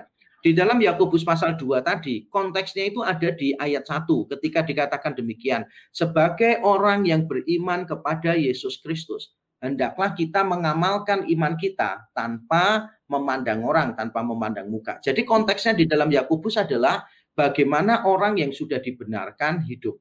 Bagaimana orang yang sudah dibenarkan itu hidup. Itu konteksnya. Nah, hmm. Yakobus jawab, kalau kamu memang sudah beriman kepada Yesus Kristus, ya kamu tidak bisa cuma ngomong iman, karena imanmu pasti ada wujudnya, hmm. yaitu hmm. perbuatan. Kalau imanmu itu tidak ada wujudnya, ya berarti bukan iman yang benar. Itu iman seperti imannya iblis kan. Kamu percaya secara intelektual, tapi kamu tidak ada penyerahan diri ke situ. Nah, beda dengan Paulus. Paulus itu bicara di Roma pasal 4, kita diselamatkan oleh iman, bukan perbuatan. Itu dia bahas dari pasal 3 ayat 21 sampai pasal 4 ayat terakhir. Konteksnya apa? Konteksnya adalah bagaimana orang berdosa bisa diselamatkan. Jadi Paulus itu bicara tentang pembenaran oleh iman dari Roma pasal 3 ayat 21 sampai pasal 4 ayat terakhir. Nah, sebelum Roma pasal 3 ayat 21, Paulus sudah memberitahu semua orang itu berdosa. Roma 3 ayat 10 sampai 20, semua orang berdosa. Nah, bagaimana orang yang berdosa bisa diselamatkan? Jawabannya adalah oleh iman, bukan hmm. perbuatan. Nah, yang menarik menurut saya adalah Paulus dan Abraham eh dan Yakobus sama-sama hmm. sama-sama mengambil contoh dari kehidupan Abraham. Sama-sama diambil yeah, contoh dari yeah. kehidupan Abraham. Tapi menariknya cara mereka menggunakannya berbeda. Kalau Paulus di Roma pasal yang keempat dia bilang begini, Abraham dibenarkan itu sebelum atau sesudah dia disunat. Ya jawaban Paulus sebelum karena kan dia dibenarkan kejadian 15 hmm. disunat kejadian 17. Jadi Abraham dibenarkan bukan berdasarkan perbuatan tapi berdasarkan iman. Tapi hmm. kalau Yakobus beda, Yakobus mengutipnya pada saat Abraham mempersembahkan Isa anaknya. Dan itu kejadian 22 kan? 22. Kejadian 22. Jadi Yakobus seolah mau ngomong gini, Abraham itu sudah dibenarkan oleh iman. Benar, kejadian 15. Jadi Yakobus sama dengan Paulus. Cuma penekanan Yakobus begini, tapi apakah setelah dibenarkan oleh iman, Abraham hidupnya sembarangan? Tidak menaati Allah? Enggak juga kan? Buktinya apa? Dia mempersembahkan anaknya Isa di kejadian 22.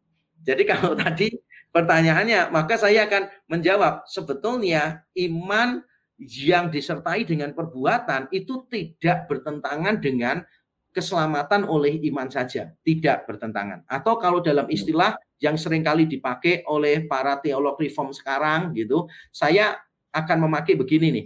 A saving faith, we are saved by faith alone, But a saving faith is never alone. Yang artinya hmm. selama pandemi tolong mengenakan masker terus-menerus. Yang artinya yang artinya kurang lebih begini. We are saved by faith alone. Kita diselamatkan oleh iman saja.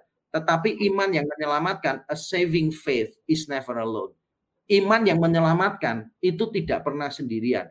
Karena iman yang menyelamatkan, a saving faith, itu pasti akan menghasilkan buah. Yaitu apa? Perbuatan-perbuatan baik. Jadi perbuatan-perbuatan baik. Semua yang kita wujudkan mengasihi Allah, mengasihi sesama itu adalah perbuatan-perbuatan baik. Tapi Yakobus tidak pernah berpikir bahwa perbuatan baik itu menyelamatkan orang. Tidak mungkin, Pak. Kenapa tidak hmm. mungkin? Karena di pasal 3 Yakobus itu mengaku di ayat 2, dia mengatakan kita semua bersalah dalam banyak hal. Loh, dia aja ngakui kok. Dia bersalah dalam banyak hal kita. Ya bagaimana dia bisa mengatakan kalau kita mengikuti Taurat, kalau kita taat, maka kita bisa selamat. Ya dia nanti orang yang nggak selamat lah. Itu. Jadi Yakobus sangat iya. sadar tentang kelemahan manusia. Bahkan dia mengatakan di pasal 4 apa? Kalau kita tahu sesuatu yang baik, tapi kita tidak melakukan, itu namanya dosa. Hmm, hmm. Iya kan berarti banyak sekali dosa yang kita lakukan karena kan kita tahu banyak hal yang baik dan kita tidak melakukan kan gitu. Jadi tidak ya. mungkin Yakobus punya pemahaman kita diselamatkan berdasarkan perbuatan pasti tidak ya. Oke, okay, sedikit Pak kalau berkaitan dengan ini apakah memang uh, beda uh, pembacanya Pak sehingga kemudian kau Paulus itu sangat menekankan tentang anugerah memang karena bicara kuat kuat dalam Yahudi ini bicara ini orang kafir non Yahudi tapi Yakobus ini hmm. bicara kepada orang Yahudi kan gitu loh. Jadi yang hmm. sangat bangga sekali lupa lagi berbicara anugerah ya tidak ada perbuatannya seperti begitu. Hmm, ya, Ya mungkin karena memang penerima suratnya dan fokus suratnya kan berbeda ya. Kalau di dalam surat Roma terutama kan bagian doktrinalnya kan kental ya. Pasal 1 sampai yeah. pasal 11 itu kan yeah. doktrinalnya yeah. kental. Nah, Paulus itu sedang memberikan kuliah teologi sistematika lah di pasal 1 yeah. sampai 11 gitu kan. Bagaimana yeah. kita diselamatkan dan menghidupi keselamatan. Jadi kalau orang bilang begini, Roma 1 sampai Roma, Roma pasal yang kelima itu tentang bagaimana orang itu bisa dibenarkan mulai Roma 6 sampai Roma pasal 11 atau pasal 8 kalau kita tidak menghitung tentang orang Yahudi di pasal 9 sampai 11 itu tentang bagaimana kita menghidupi keselamatan. Memang itu konteksnya beda. Nah, kalau Yakobus ini lebih berbicara kepada orang-orang Yahudi yang tinggal di perantauan yang hidupnya ya. itu sangat sekuler sekali. Hidupnya sangat sekuler ya. sekali.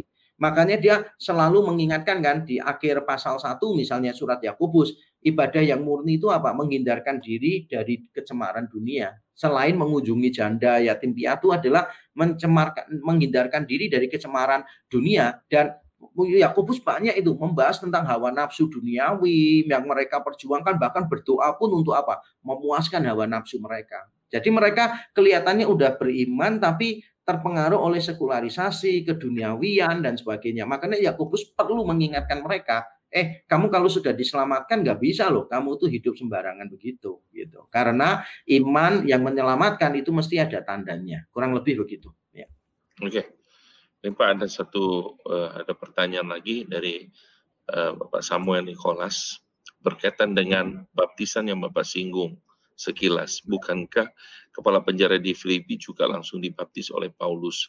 Begitu dia percaya. Kisah Rasul 16, apakah kepala penjara juga orang Yahudi yang memahami Taurat?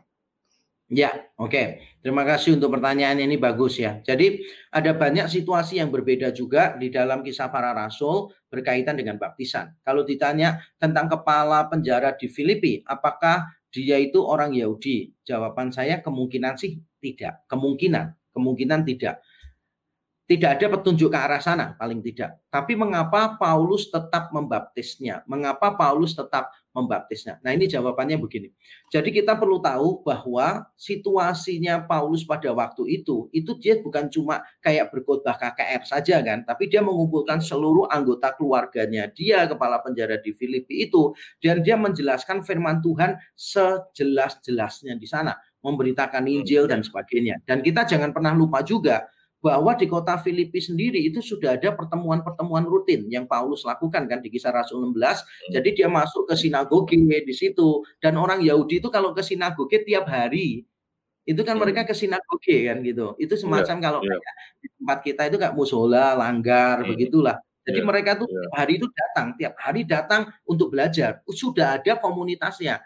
Itu pertama perempuan-perempuan, lalu beberapa orang kan gabung di sana. Jadi ketika kepala penjara di Filipina ini dijelaskan Injil dengan jelas, begitu jelasnya oleh Paulus, lalu dibaptis oleh Paulus, Paulus ngerti bahwa kepala penjara ini nanti akan berkumpul terus dengan komunitas orang percaya setiap hari untuk belajar firman Tuhan. Dan itu bedanya di sana. Kalau sekarang ini kan enggak, KKR orang bertobat setelah itu, oh ya dia mau ibadah di mana yang nggak diurusin, dia paham hmm. atau enggak juga tidak pernah diurusin. Jadi saya pikir ini beda sekali sih dengan kondisi gereja-gereja sekarang yang sekali KKR langsung baptis, sekali KKR langsung iya. baptis kan pertanyaannya orang itu dimuridkan di mana? Kata kuncinya kan yeah. di iya. situ. Orangnya iya. setelah dibaptis dimuridkan di mana orang itu. Nah, ini kan enggak Paulus memang sudah menyediakan komunitas di mana orang yang dibaptis ini bisa dimuridkan dan jangan lupa Paulus ketika pemberitaan Injil ini kan bukan cuma khotbah kan, dia menerangkan ya. Injil gitu, menerangkan Injil hmm. sampai orangnya benar-benar jelas gitu. Jadi tidak ada iringan musik, ambience ini itu, lagu-lagu apa supaya orangnya itu tergerak kan tidak. Memang fokusnya pada penjelasan firman kan gitu. Pada ya. penjelasan firman. Itu beda Jadi ya. Di, di, dilahirkan, ditelantarkan mati begitu ya Pak. Bukan, bukan, bukan. bukan. Iya. ya. Oke Pak, ya. next berikutnya dari Bu Linda Indriani membiarkan diri kita dipimpin oleh Roh Kudus. Apakah dengan membereskan natur-natur dosa kita setiap hari sehingga kasih uh, Roh Kudus dalam tanda kurungnya bisa dinikmati oleh roh jiwa dan tubuh kita, Pak. Ya, jadi membiarkan diri kita dipimpin Roh Kudus apakah berarti membereskan dosa-dosa dalam diri kita? Sebetulnya ini uh, setengah benar ya, setengah benar. Karena hmm. begini, kalau kita bilang memberi diri dipimpin oleh Roh Kudus, berarti yang membereskan itu sebetulnya lebih ke arah Roh Kudus, bukan kita yang membereskan. Makanya kalau di dalam pengakuan iman reform itu dijelaskannya pengudusan itu penekanannya kepada Allah. Jadi Allah yang bekerja di dalam hidup kita sehingga Allah itu akan memampukan kita, akan memampukan kita mematikan keinginan-keinginan daging itu. Jadi hmm. penekanannya saya paham sih, maksudnya yang bertanya itu tadi kan ada aktivitas dari kita gitu, benar sih. Hmm. Cuma kan kita hmm. harus menjaga jangan sampai kelihatannya yang berperang melawan dosa itu kita. Jangan hmm. sampai ada kesan begitu, karena Paulus itu memakai istilahnya membiarkan diri dipimpin oleh Roh Kudus. Jadi kita ini benar-benar kayak mengakui kita tidak mampu, itu penting. Ketika kita berjuang melawan dosa, harus dimulai dengan kita ini tidak mampu. Dan harus dimulai dengan kesadaran bahwa Kristus sudah membereskan semua dosa kita. Jadi tidak ada dosa kita yang mengagetkan Kristus, tidak ada dosa kita sekarang maupun nanti yang tidak ditebus oleh Kristus di atas kayu salib. Nah sekarang kita kan perlu mikir gini, ketika Kristus melunasi hutang dosa kita, membereskan dosa kita di atas kayu salib, dia bayarnya cicilan KPR atau dia tunai langsung dibayar semuanya. Ya kan dibayar semuanya. Iya kan? Jadi bukan yeah. cicilan, bukan angsuran toh. Jadi kamu berdosa, ya udah ini tak bayar. Kamu berdosa, ya udah tak bayar gitu kan. Ya enggak lah. Ya dia sudah bayarkan semuanya. Jadi ketika kita memerangi dosa itu jangan sampai punya pikiran kita yang aktif memerangi. Karena kalau kita melawan dosa, kita pasti kalah. Pasti kalah. Jadi ketika kita memerangi dosa, pertama kita ingat, kita ini enggak mampu, kita perlu bersandar kepada roh kudus. Kedua, kita perlu ingat, bahwa sebetulnya semua dosa kita udah dibereskan oleh Kristus di atas kayu salib. Kalau dalam istilah populer, saya biasanya pakai kalimat begini, peperangan sudah dimenangkan oleh Kristus. Kita hanya menghadapi beberapa pertempuran. Hmm. Jadi peperangan sudah dimenangkan oleh Kristus. Kita ini hanya ada sisa-sisa pertempuran di sana sini yang harus kita lakukan. Tapi sekali lagi, bagaimana cara kita memerangi dosa. Bagaimana cara kita memerangi dosa? Nah, kita harus sadar begini. Saya dulu juga tiap kali bagaimana memerangi dosa, pornografi misalnya, lalu mikirkan kan tipsnya apa, yang harus kita lakukan apa gitu kan.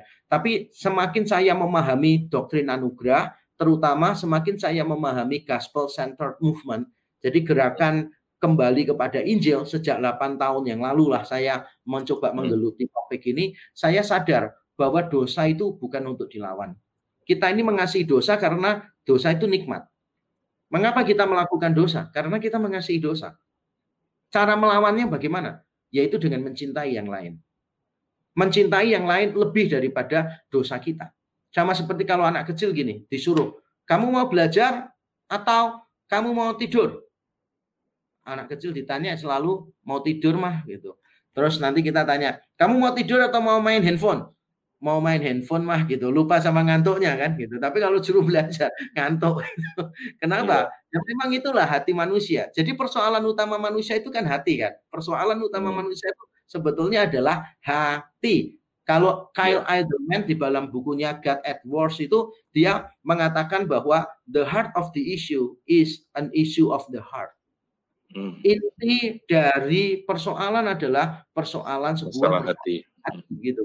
Dan itu hanya bisa diatasi persoalan hati kalau apa? Kalau kita mengingat bahwa kita telah dikasih Kristus di atas kayu salib. Kita telah dikasih Kristus di atas kayu salib dan Roma 5 ayat 5. Kasih itu telah dicurahkan ke dalam hati kita oleh siapa? Oleh Roh Kudus.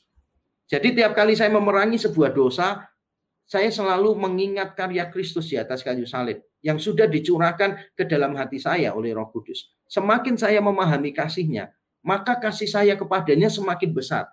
Ketika kasih saya kepadanya semakin besar, saya semakin membenci dosa. Ketika saya semakin mengasihi Kristus, maka saya semakin ingin menaati dia. Jadi itulah yang kita lakukan. Bukan kita yang memerangi dosa dan kunci kemenangan di tangan kita, bukan. Tapi kita menyadari kita tidak mampu tanpa Roh Kudus, kita benar-benar menyadari bahwa semua dosa kita sudah dibereskan oleh Kristus di atas kayu salib. Yang ketiga kita menyadari bahwa karena kasih Kristus kepada kita, maka kita dimampukan untuk mengasihi dia lebih daripada dosa untuk menaati dia gitu bersumber dari kasih kita gitu ya jadi Roh ya, Kudus juga bukan cuma kasih ya tadi dalam pertanyaannya kan Roh Kudus dalam kurung kasih itu jadi sebenarnya Roh Kudus bukan cuma kasih Roh Kudus itu beda dengan kasih Roh Kudus itu pribadi ya pribadi Allah ya. tunggal yang mengerjakan banyak hal termasuk salah satu adalah kasih itu buah roh salah ya. satu rasa dalam buah roh adalah kasih itu. Oke, terima kasih. Oke. Terima kasih Pak. Waktu kita sudah ya. tinggal uh, satu setengah iya. menit ya. lagi. Jadi saya ya. mau apa namanya uh, tutup, tapi sedikit kembali kepada tema kita Pak. Uh, revisiting grace bicara tentang anugerah. Anugerah itu tidak murah, murahan tentunya. Nah, ya. 30 detik saja Pak bicara bagaimana kita harus merespon anugerah Allah itu dengan benar sebenarnya dalam praktikal hidup kita. Ya, kalau 30 detik saya akan bacakan dari 1 Korintus 15 sih, ayat 10, ayat ya. favorit saya Baik. gitu. Jadi kalau kita membaca di dalam 1 Korintus 15 itu ayat yang ke-15 kan dikatakan demikian bahwa karena kasih karunia Allah aku adalah sebagaimana aku adanya sekarang gitu tetap dan kasih karunia Allah itu tidak sia-sia di dalam aku, tidak percuma di dalam aku dan aku bekerja keras bekerja keras lebih daripada mereka semua tetapi bukannya aku tetapi karena kasih karunia Allah yang bekerja di dalam aku Jadi bagaimana seharusnya kita memberi respons terhadap anugerah Allah? Respons kita adalah ya kita ini mengalami transformasi dalam hidup kita. Aku sekarang ini beda dengan yang dulu. Paulus bilang ayat 89 dia penganiaya jemaat tapi sekarang dia menjadi orang yang berbeda. Jadi kita merespon dengan ucapan syukur karena anugerah itu telah membawa transformasi di dalam hidup kita. Tapi bukan cuma transformasi yang dibawa. Dia bukan cuma transform us, tetapi juga empower us, memberi kita kekuatan. Karena Paulus mengatakan, aku bekerja lebih keras daripada mereka semua. Tetapi bukan karena hmm. aku, tapi karena kasih karunia Allah. Jadi kasih karunia yang mengubahkan hidup kita adalah kasih karunia yang sama yang memampukan kita untuk bekerja bagi dia. Kutipan terakhir dari John Piper, dia mengatakan, grace is a power, not only a pardon. Hmm. Anugerah itu adalah sebuah kuasa, bukan sekadar pengampunan. Jadi jangan sampai hmm. kita punya pikiran Allah mau menerima kita apa adanya itu anugerah dan titik salah. Kalau Tuhan cuma mau menerima kita apa adanya, dia tidak sungguh-sungguh mengasihi kita. Berarti dia menyerah kepada kita. Berarti dia tidak yakin bahwa kita bisa berubah. Harusnya ditambahkan. Allah menerima kita apa adanya dan Allah mengubah kita menjadi sama seperti dia. Dan itulah anugerah complete, bukan cheap grace, tetapi yeah. beautiful grace, ya amazing grace. Yeah. Oke, okay, terima kasih Pak ya, sama. Eh, saya coba usahakan dalam satu dua satu menit untuk menyimpulkan apa yang kita coba sudah bicarakan, Pak. Nanti minta Pak Yakub bisa tutup tahap dua.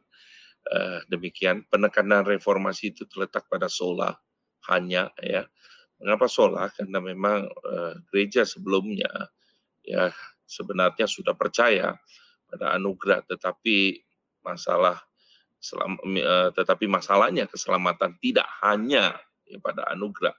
Gereja mengajarkan juga pada usaha manusia.